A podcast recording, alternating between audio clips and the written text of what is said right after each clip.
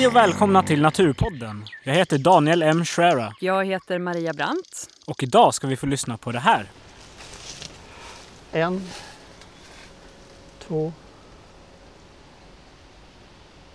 tre, fyra, fem välmående och ett rötägg. Eh, ja, vad är det som räknas här nu egentligen, Maria? Jo, det är ungarna från en rätt konstig hackspett som inte riktigt är som andra hackspettar, skulle man Aha, kunna säga. Mm, vilket... Nämligen en göktyta. Ja, ja, men då så. Vad kul. Okej, så de hackar inte, eller? Nej, och det är lite med anledning av det som det här avsnittet kom till, kan man nästan säga. Vad är det vi kommer höra idag? Först så kommer vi få följa med och plocka upp Deborah Alt och Lasse Fröjdlund och dra ut med dem till en göktyteholk och vara med och ringmärka årets sista göktyteungar. Årets, årets, årets,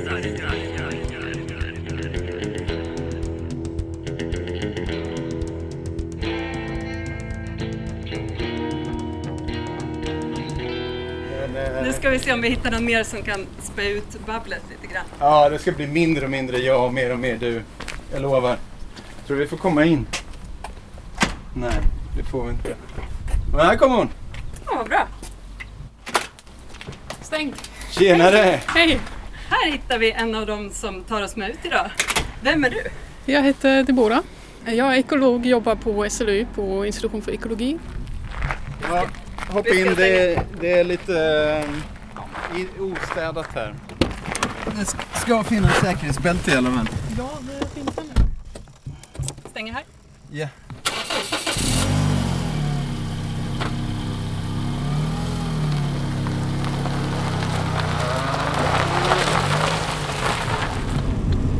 Så, där har vi ju Lasse. Hallå! Hej Lasse! Jag vet inte vad jag ska titta efter. Inte det lättaste. Hej Maria. Hej! Vi har ju sett förut. Ja. Och så. Eh, Alla som lyssnar har inte träffat dig förut. Vem är du? Ja, jag heter Lasse Fröjlund och är intresserad av fåglar. Mitt intresse är i stort sett att hjälpa fåglarna med fågelholkar. Därav mitt stora intresse för göktytan. Ja. Deborah och jag konstaterar just att eftersom de inte bygger några eller inte hackar ut några egna hål så behöver de ändra andra hackspettar eller en laser. Ja, exakt. Det är det jag behöver. Så du är något sorts hackspett i det här Ja. sammanhanget också. Så att mitt stora jobb i det här projektet det är ju att samla in pengar från fonder och stiftelser. Och Ornitologiska föreningen, Uppsala kommun har bidragit med pengar så att jag kan köpa de här holkarna. Så att, Jaha, det är så pass stort alltså? ja, så totalt runt Uppsala så har jag fem, sex områden med totalt 200 holkar för göktytan. Det var rejält. Ja, Men idag ska vi till en. ja, en Ja. holk. Det är den sista häckningen här i år. Okej. Hoppas vi har tur. Ja, om jag förreka här häromdagen så att det är okej. Ja, men vad bra. Allt ska vara okej. Många mickar igång. Ja, soundtrack. tror jag okej. Okej, Ja. härligt. Och det är till en göktyteholk som vi ska bege oss idag. Ja, vi ska ut i de fina betesmarkerna här ute i Lövsta, Funbo. He- Hela här min historia börjar ju i Vingåker då när vi, nej, men vi hade en göktyta utanför huset som lät så konstigt och vi visste inte vad det var. Ja. Så när vi tittade så var det en göktyta som häckade och ungarna skrek. Och då vaknade intresset. Och då tänkte jag att Uppsala kommun sätter ju upp holkar när de rensar hyggen och betesmarker. Då föreslog jag Skolverket att kan inte jag få 30-40 holkar att sätta upp för göktytan så kan jag rensa och sköta dem där. Och det tyckte han var en jättebra idé. Okej. Så började det. Men varför göktytan? För att det finns mindre än 100 000 göktytor i Sverige och det finns cirka 3,5 miljoner talgoxar. Så, talgo- så talgoxarna verkar klara sig ändå. Nej men alltså den har ju varit nere på nära hotad-gränsen, göktytan. Ja, det var väl bara tio år sedan ungefär. Ja, och den har ju drastiskt sjunkit under alla år. Men när nu har den som stagnerat tror jag att stabiliserat sig. Jag har för mig att den räknas som livskraftig nu. Ja, nu har ju den platsen övertagits av Hussvala och Stare. Ja.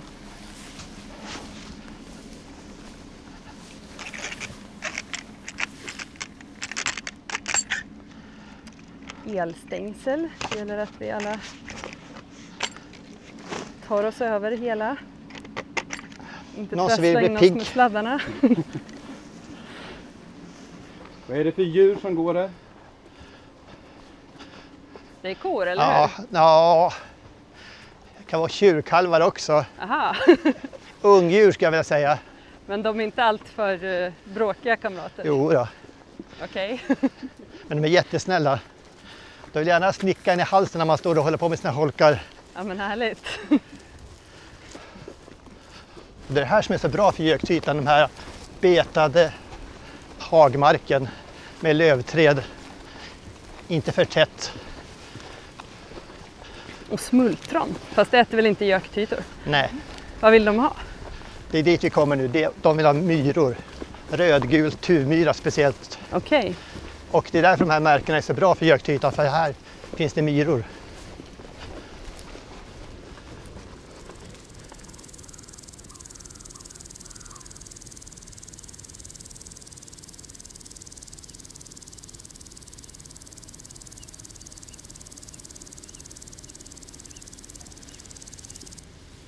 Där har vi en. De är verkligen långa de där holkarna. Ja. Och de här är uppsatta då för 15-20 år sedan innan det byggdes så mycket här så att de här husen här nere fanns inte då. Mm. Hur djupa ska de vara ungefär? Är det 40-45? Ja, jag säger mer än 40. Jag tror att de aldrig kan bli för djupa. Ja. Att de kommer ut? Flyger de ut eller klättrar de ut sen? Nej, de hopp- hoppar lätt ur. De kan hoppa? Jag har läst någonstans att en fågelunge kan hoppa en meter. Okej. Så man kan aldrig göra en holk för djup. Nej. Nej, det är klart, det är ju säkert mindre risk att bli uppäten eller så om man är nere i en djup holk. Jag tror den där backen vi ska upp i.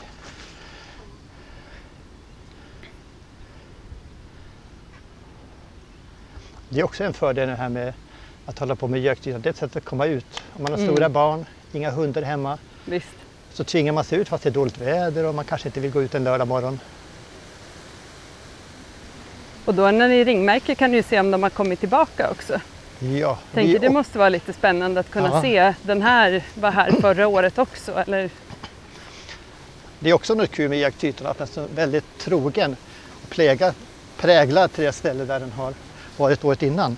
Ja. Ofta kommer till samma holk eller holken bredvid. Så kan man nog sitta där vid Ja, var, var ska vi hålla till? Det är också Ja, en vi, fråga. vi sitter framför holken. Framför holken. Om, om det... Ska vi sitta här bara? Eller vill vi vara uppe i skuggan där? Eller? Ja, men det, det går bra. med.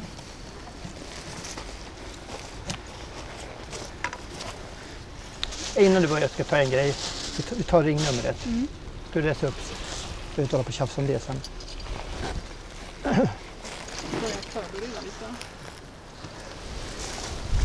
Då har vi 36 36 27 27 206. 206. Och klockan är nu Klockan är nu 14 och 15. 14.15. Ska ringmärka Lövsta. område Lövsta, Fumbo. Så, Har alla holkarna ett namn? nej, de är numrerade en del men att det har blivit ramlat bort några Ja. och kommer några nya och vi ska, numrera- så att vi ska numrera om hela området i höst. Okej. Men förra året så var den här full, hela holken var ett ge- bålgetingbo. Ah, då förstår jag namnet. Bålgetingholk. Ja, Det är också rätt kul. då vet vi vilken det är. Ja. Här är ringarna. Det är början, här slutet. Så vi ska, du har en påse. Ja, en påse där. Så ska vi vågen och så lilla påsen. Det är som när man bakar, man ska förbereda lite Mhm. plocka fram. Så.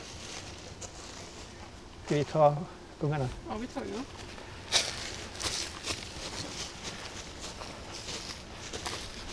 De såg fina ut. Oj, vad De det satt låter. ganska... Var... De satt väldigt långt fram. Jag är beredd här. Oj.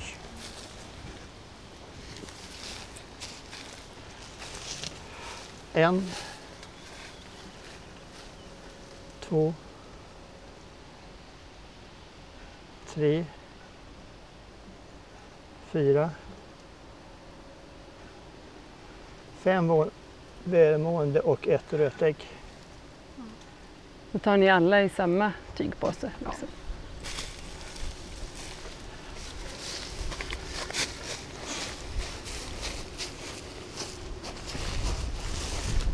Brukar kunna vara upp till ja, 8, 10.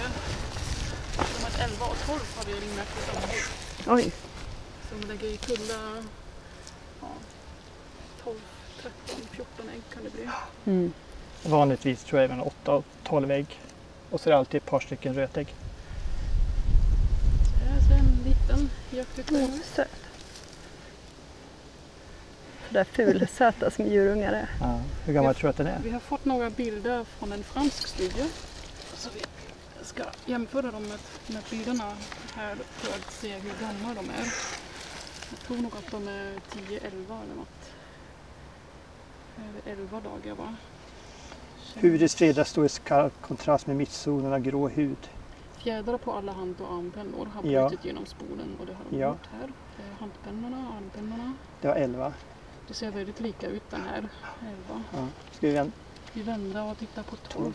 Ehm, Den gråa mittlinjen är knappt synlig på huvudet. ja, typ. Det är inte helt lätt. Nej. Kläcks alla samtidigt? Ganska samtidigt. Och det är väl så att de, de lägger, kan ju lägga 12 ägg så Ja. de kan inte börja ruva vid först utan Nej, precis. de måste ju börja ruva på slutet. Ja, och när annars skulle det bli svårt att den första ungen fick all mat. Men, Jag räknar ut teoretiskt från sista ägget att det börjar ruva och sen ruvar ungefär 12-14 dagar. mm. Och det stämmer väldigt bra. Nummer ett, den ska vägas också. Då lägger vi den i en plastpåse som har hål på andra sidan.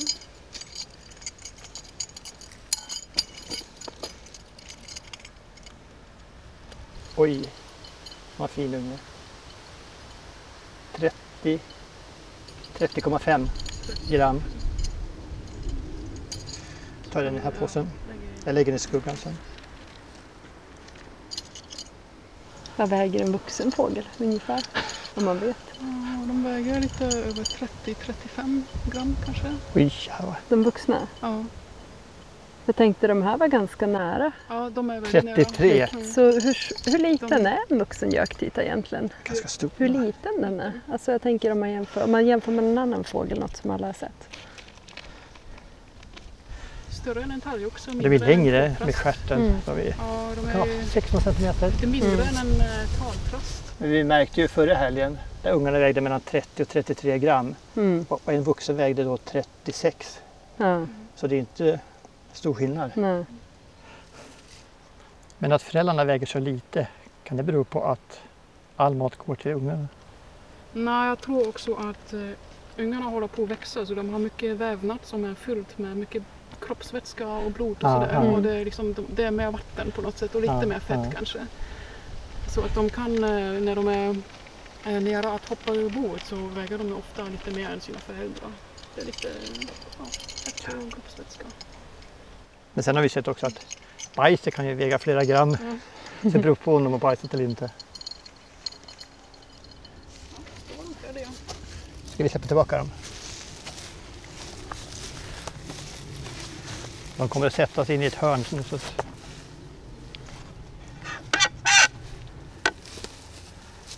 Det är ju mossa och så i holken.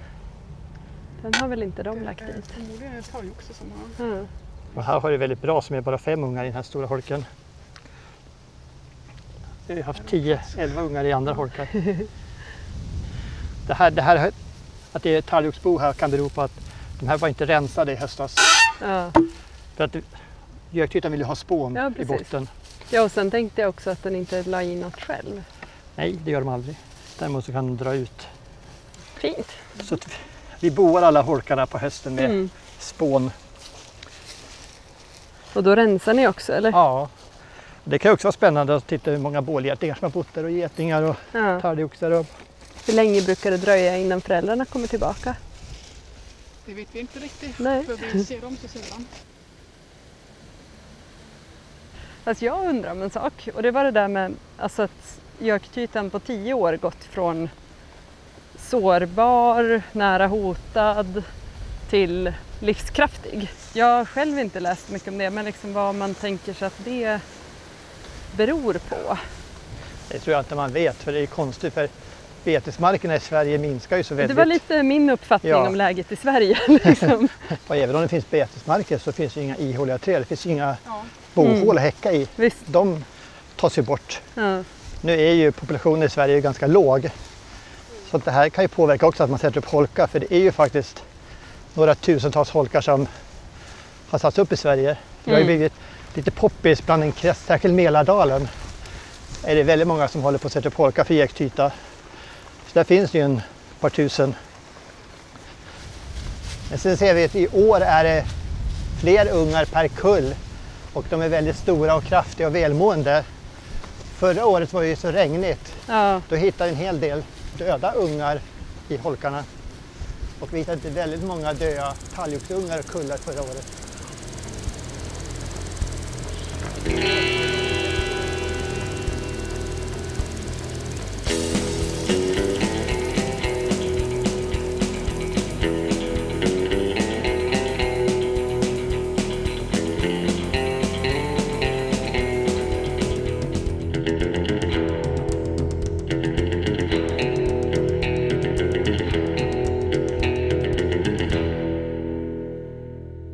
Så Lasse han jobbar helt gratis, eller?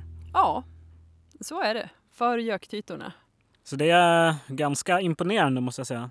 Ja, det är det absolut. Och det är ju kul att det verkar, alltså att det blir fåglar som häckar i holkarna och så. Sen var det ju lite så här, precis som naturen är, att det är ju inte alltid det blir en göktyta. Nej, nej. Det var väl av med bålgetingar också.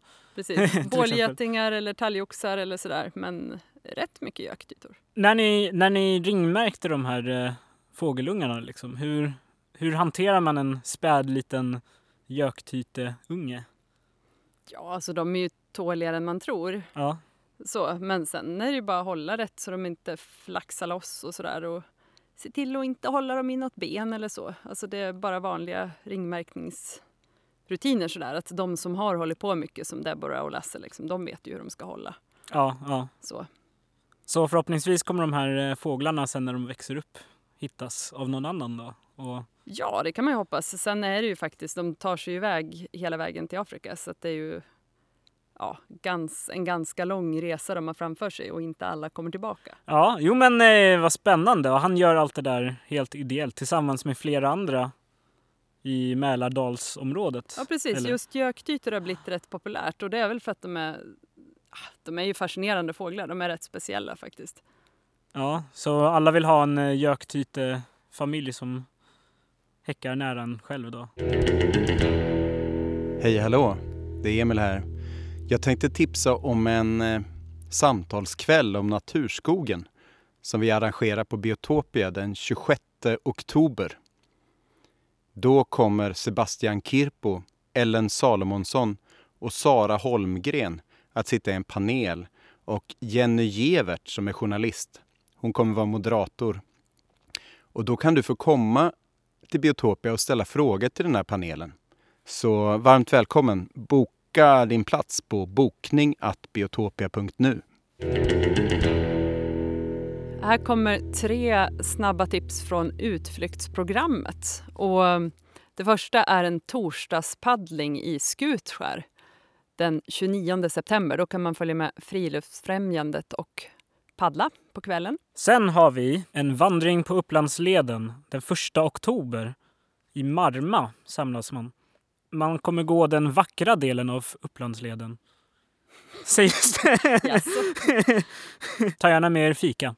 Okej, och så kommer ett tips som jag personligen har lite extra intresse av att ni hänger på för att det är jag, Maria Brandt, som kommer att guida då och det är en guidad vandring på vildmarksleden i Storskogen. Ett nytt naturreservat kommer vi att springa omkring i då och titta på varför den här skogen är så skyddsvärd. I nästa avsnitt av Naturpodden kommer ni höra när Emil och Andris fågelviskare drar ut i spenaten och letar efter kronhjortar. Mm. Jag vet inte ens var jag ska börja, det är det som är grejen. Du kan säga i nästa Naturpodden får du följa med mig ut på... Hej, det är jag som är Andris. Eh, det här numret av Naturpodden så följer ni med ut och spanar på kronhjortar. Där de bruntar. Så vi har varit ute nu under morgonen och lyssnat in var hjortarna befinner sig och smugit omkring och tittat och spanat. Och hur låter de? Ja, det är lite svårt att, svårt att göra utan ett rör men ungefär så.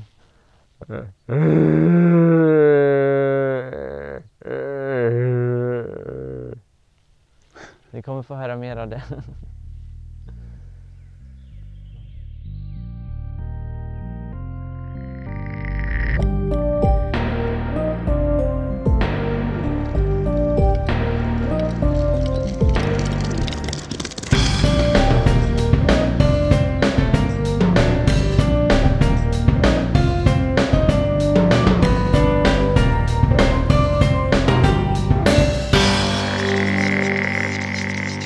Naturpodden vill tacka Deborah Alt på SLU och eh, Lasse Fröjdlund och faktiskt SLU också för att de har så fina betesmarker ute i Lövsta.